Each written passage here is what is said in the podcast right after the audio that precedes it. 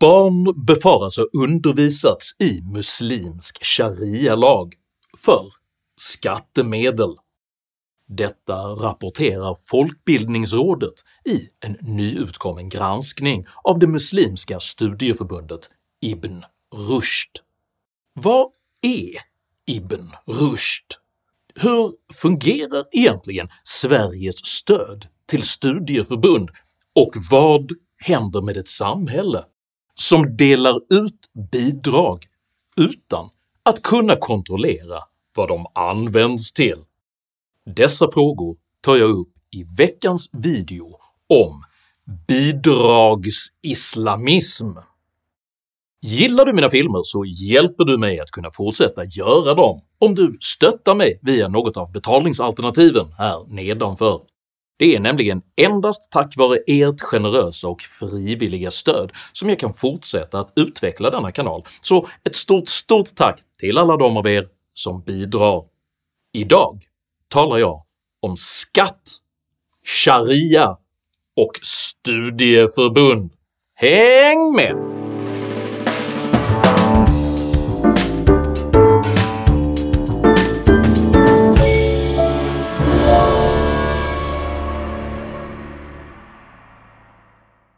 En dåre och hans pengar går snart skilda vägar, lyder ett gammalt talesätt som innebär att en okunnig person lätt blir bedragen. Ett aktuellt exempel på detta är hur det svenska föreningslivet återkommande rapporteras missbruka skattemedel, både genom bedrägerier och genom stöd av demokratiskt oacceptabla aktiviteter. I förra veckan briserade ännu en sådan skandal när det muslimska studieförbundet Ibn Rushd i en rapport från Folkbildningsrådet uppgavs ha undervisat sjuåringar om att barnaga är acceptabelt, att homosexualitet är en synd samt om antisemitiska konspirationsteorier. Enligt rapporten har bland annat publikationen “The upbringing of children in Islam” använts vid 53 tillfällen vars innehåll utformats på ett vägledande, instruerande och vägvisande sätt. Texten förordar bland annat att sharia-lag, vilket alltså är en strikt islamsk rättsordning, bör tillämpas från 9 års ålder och att föräldrar bör aga sina barn om de avviker från detta. Låt flickan veta att när hon är nio år måste hon bära slöja och följa sharia. Vissa barn kan korrigeras med en sträng blick, andra behöver tillrättavisas, vissa kräver att käppen används. Vårdnadshavaren måste bestraffa barnet i enlighet med dess förseelse. Man kräver även könsseparation Föräldrar och ansvariga måste förhindra att pojkar och flickor umgås. De får inte låta dem vara tillsammans på en plats i någon del av livet och måste därför försvara flickornas heder och oskuld. Likaså leder en far sin fru och sina döttrar till ett liv i synd och skam när han tillåter dem att gå ut ur huset obeslöjade och fullt smyckade och att röra sig bland manliga främlingar. De kommer att vanära sin heder och kyskhet. Slutligen befäster texten konspirationsteorin att judar och kristna som motsätter sig dessa regler vill förgöra islam. Vi måste varna barnen för att vara på sin vakt mot sionisternas, kolonialmakternas, imperialisternas, kommunisternas och de kristnas bedrägliga planer. De konspirerar för att förstöra islam genom att korrumpera dess läror och genom att döva muslimernas jihadistiska anda genom att uppmuntra oanständigt beteende i samhället.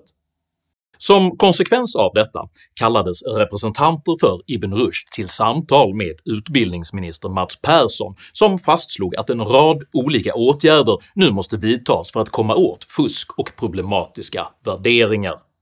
För första gången har alltså Folkbildningsrådet nu prövat en föreningsverksamhet mot de demokrativillkor som måste följas för att föreningsstöd ska kunna erhållas. Folkbildningsrådets granskning visar att Ibn Rushd har brustit i efterlevnaden av demokrativillkoren genom att teman som rör barnäktenskap, aga och kritik mot homosexuella förekommit utan problematisering och avkräver dem därför nu återbetalning av statsbidrag på 146 900 kronor. Dessa 146 900 kronor ska dock ställas mot det faktum att Ibn Rushd sedan 2005 erhållit över en kvarts miljard skattekronor i sammantaget stöd, något som den politiska vilden Amineh Kakabaveh ifrågasatte redan år 2020. Och än idag sitter vi här och diskuterar huruvida de här skolorna ska få miljardbelopp. Inte för att utbilda dem enligt demokratins eh, liksom spelregler, utan eh, hat och hot sprids. För när ska vi ha tilltro till samhället när man betalar en kvarts miljard till en organisation där man stödjer fascistiska organisationer som Milli Güruş i, i Turkiet, Erdogans högerhand, brödraskapets högerhand och så inser man i Folkbildningsrådet men ändå gör inte någonting åt. Studieförbundet Ibn Rushd är en sammanslutning av muslimska organisationer i Sverige som år 2008 godkändes för statsbidrag. Enligt Folkbildningsrådets egen rapport “När tilliten prövas” har Ibn Rushd sedan dess dock ifrågasatts allt mer. I rapporten står bland annat att läsa under de muslimska familjedagarna 2013 bjuder Ibn Rushd in två gästföreläsare som uttryckt sig antisemitiskt, en gästföreläsare som uttryckt sig homofobiskt och en gästföreläsare som uttryckt sig våldsbejakande. Under de muslimska familjedagarna 2014 bjuds en homofobisk, antisemitisk, våldsbejakande gästföreläsare in och kompletteras med en kvinnofientlig gästföreläsare. 2016 bjuder Ibn Rushd tillsammans med Sveriges Unga Muslimer och Islamiska Förbundet in ännu en antisemitisk gästföreläsare. 2017 bjuder Ibn Rushd in en kvinnofientlig imam till Muslimska familjedagarna. 2018 bjuds en föreläsare som tidigare gjort våldsbejakande uttalanden och en föreläsare som tidigare gjort homofobiska uttalanden till de muslimska familjedagarna. Samma år avslöjar Kvällsposten att Ibn Rushd i Malmö samarbetar med den islamistiska organisationen Mili Görüş, som även fått 70 000 kronor i bidrag av Malmö kommuns fritidsnämnd. Den islamistiska rörelsen Milji Görüş har kritiserats från flera olika håll. Bara under de senaste två åren har kommunen betalat över 70 000 kronor av skattebetalarnas pengar i bidrag till organisationen. En organisation som enligt en ledartext i rörelsens tidning skrivit att judar citat lyckats få hela världen att tro på myten om förintelsen. När Kvällsposten frågar det socialdemokratiska kommunalrådet som ansvarar över frågorna, Frida Trollmyr, så menar hon att resursbrist är det som gjort att man inte kunnat följa upp vart man skickar 70 000 kronor. I samband med detta framkommer även att Ibn Rushds verksamhetsledare i södra Sverige, Alaeddin Al-Kut, genom Miljöpartiet har suttit på posten som vice ordförande i just fritidsnämnden och därigenom alltså beslutar om vilka föreningar som ska få bidrag. Miljöpartiets stabschef Måns Berger låter hälsa “Jag tillstyrker att det finns en gråzon, men det beror på hur involverad man är”. Samtidigt beskriver flera politiker hur Alaeddin Al-Qut i sin roll som ledamot försökt tysta kritik mot organisationen där han är verksamhetsledare, bland annat i en diskussion där Ibn Rushd ifrågasattes. Denna så kallade gråzon visar sig nu genomsyra hela Ibn Rushd.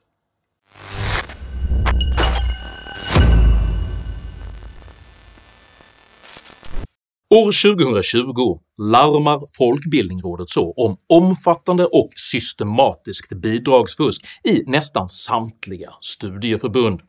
Misstankarna rör bland annat dubbelrapportering av deltagare och redovisning av falska kostnader. Göteborgs kunskapscentrum mot organiserad brottslighet gör nu en kontroll av studieförbundet Ibn Rushd Västra och konstaterar Studieförbundet IRV är en självständig juridisk person som saknar egen ekonomisk administration. Det är därmed inte möjligt att följa betalningsflöden enbart genom att granska IRV, det vill säga den lokala föreningen som sökt bidraget. Granskningen visar att Ibn Rushd fasta kostnader under 2019 ökade med 200% och personalkostnaderna med cirka 40%. Samtidigt minskade antalet anställda från 7 till 5 personer, vilket innebär en lönekostnadsökning till strax över 1 miljon kronor per anställd.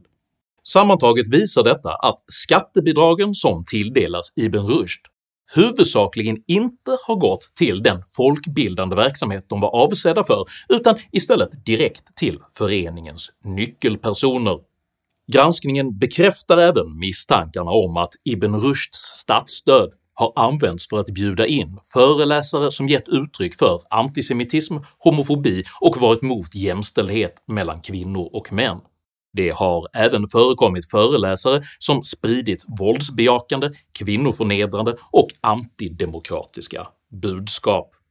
Normal praxis för verksamheter som anklagas för ekonomiska oegentligheter är att tillsätta en oberoende och transparent utredning för att rentvå sig själva och för att kunna korrigera eventuella redovisningsproblem.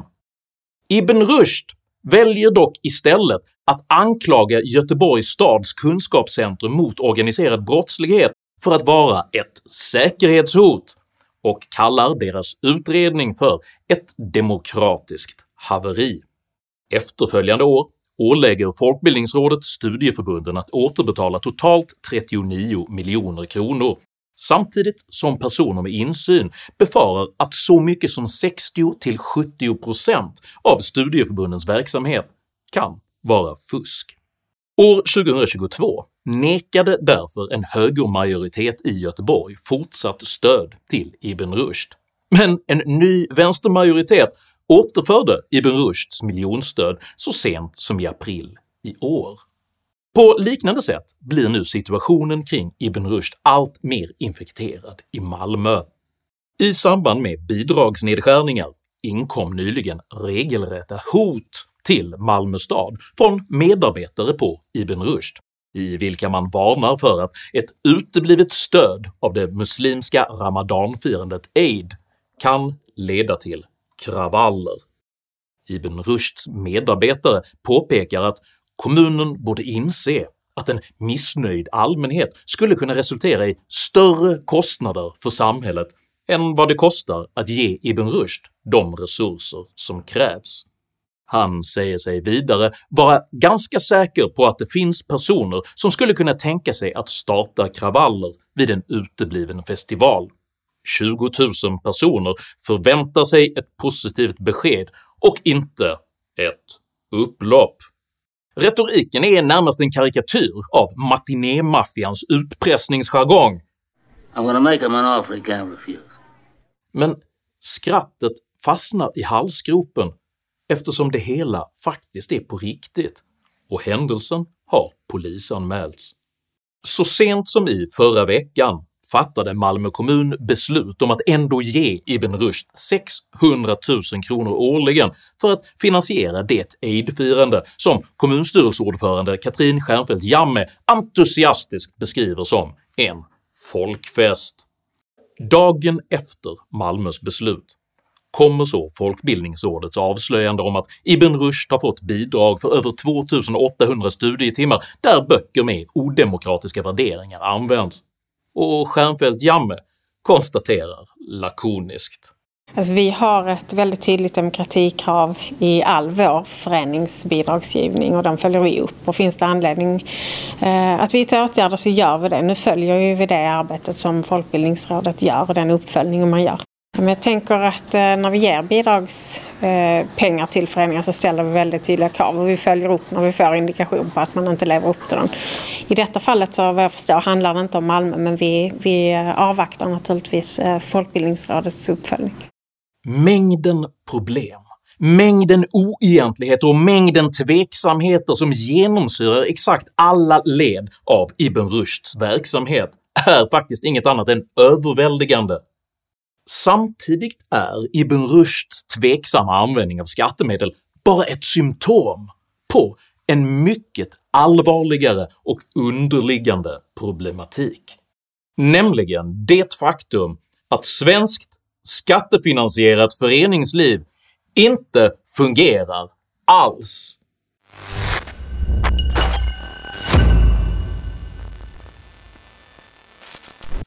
I september 2022 publicerade Riksrevisionen en omfattande granskning av statsbidragen till studieförbunden. Varje år betalas nästan 2 miljarder kronor ut i statsbidrag till studieförbundens folkbildningsverksamhet. Bidrag som fördelas via den ideella organisationen Folkbildningsrådet. Riksrevisionens granskning visar att kontroll och uppföljning brister i alla led och att det finns tydliga tecken på att statsbidraget används på fel sätt.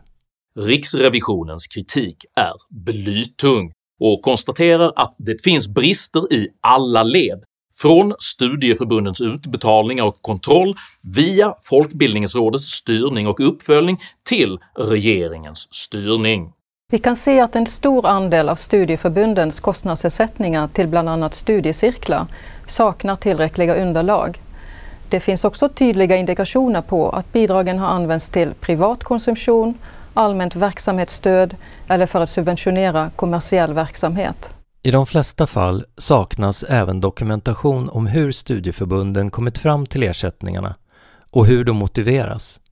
Denna bristfälliga ordning är ett resultat av den så kallade tillitsbaserade styrning som regeringen 1991 gav den då nyinrättade ideella föreningen Folkbildningsrådet som direktiv. Utgångspunkten för den nuvarande styrningen av Folkbildningsrådet är att den är tillitsbaserad och regeringen styr inte verksamheten i detalj. Folkbildningsrådets egen generalsekreterare Maria Graner och kommittéordförande Peter Örn kommenterade nyligen sin tillitsbaserade styrning så här. Från vårt perspektiv som, som fördelar statsbidraget och återrapporterar till regeringen så kan vi mäta påverkan på demokrati och det, det har jag ingen lösning på. Inte bara ska tvingas eh, rapportera det med, med streck på en lista eller med, med statistik, för det är inte helt eh, enkelt. Allt går inte att mäta och i det ligger också att vårt samhälle måste vila på en tillit till att vi gör det här och vi vet att det påverkar. Vi vet det för vi känner det. Och någonstans här måste en hård gräns faktiskt dras, för det finns faktiskt ingen som helst rimlighet i att en liten, liten grupp idealister helt utan mätbara nyckeltal ska kunna spendera 2 miljarder skattekronor årligen för att de känner att de gör skillnad. På grund av tillitsmodellen finns det ingen myndighet som vet hur många föreningar det finns i Sverige. Det finns inte heller något företrädareregister med uppgifter om föreningarnas styrelseledamöter eller firmatecknare. Det går inte heller att bekräfta antalet deltagare eller medlemmar. Ansvarsutkrävandet är obefintligt. Granskningsmöjligheterna är minimala och offentlighetsprincipen är i strikt mening åsidosatt. Denna video har inte som syfte att angripa vare sig Folkbildningsrådets företrädare eller enskilda statsbidragsmottagande studieförbund som Ibn Rushd, utan vill påvisa att den rådande ordningen inte bara är oacceptabel utan även direkt samhällsfarlig. Resultatet av tillitsmodellen är nämligen att de svenska offentliga bidragssystemen har blivit en veritabel guldgruva för kriminella och extremister, vilka just nu verkar och agerar på en skala som Folkbildningsrådet varken förstår, vill kännas vid eller har redskap för att hantera. Förutsättningarna för att denna struktur ska kunna reformeras är obefintliga, för Sveriges förvaltning saknar både kompetens och resurser att granska varje skattefinansierad kurs, varje event eller varje föreningsaktivitet för att avgöra om det strider mot demokrativillkoren. För att undvika att skattemedel finansierar samhällsfarlig kriminalitet och extremism genom föreningsbidrag måste hela tillitsmodellen avvecklas. För Sveriges bästa bör därför en ansvarsfull högerregering lägga ner Folkbildningsrådet och strypa samtliga föreningsbidrag. Skattebefria istället föreningslivet och låt föreningarna existera på sina egna meriter, uppburna av ett verkligt folkligt stöd. Den som motsätter sig en sådan ärlig, rättvis och meritokratisk föreningsordning gör detta uteslutande för att de hoppas kunna lura de svenska dårarna på ännu lite pengar innan de går skilda vägar. Om du uppskattade innehållet i denna video så hjälper det mycket om du delar den med dina vänner och kanske till och med stöttar mitt arbete via något av betalningsalternativen här nedanför. Dela även gärna med dig av dina egna åsikter och erfarenheter i kommentarsfältet här nedanför, men jag ber dig att alltid vara artig. Jag accepterar inte aggression, personpåhopp eller rasism i mina idédrivna kommentarsfält, så tack så mycket för att du som kommenterar respekterar detta. Jag heter Henrik Jönsson och jag anser att föreningslivets bidrag bör ersättas med skattefrihet. Tack för mig och tack för att du har lyssnat.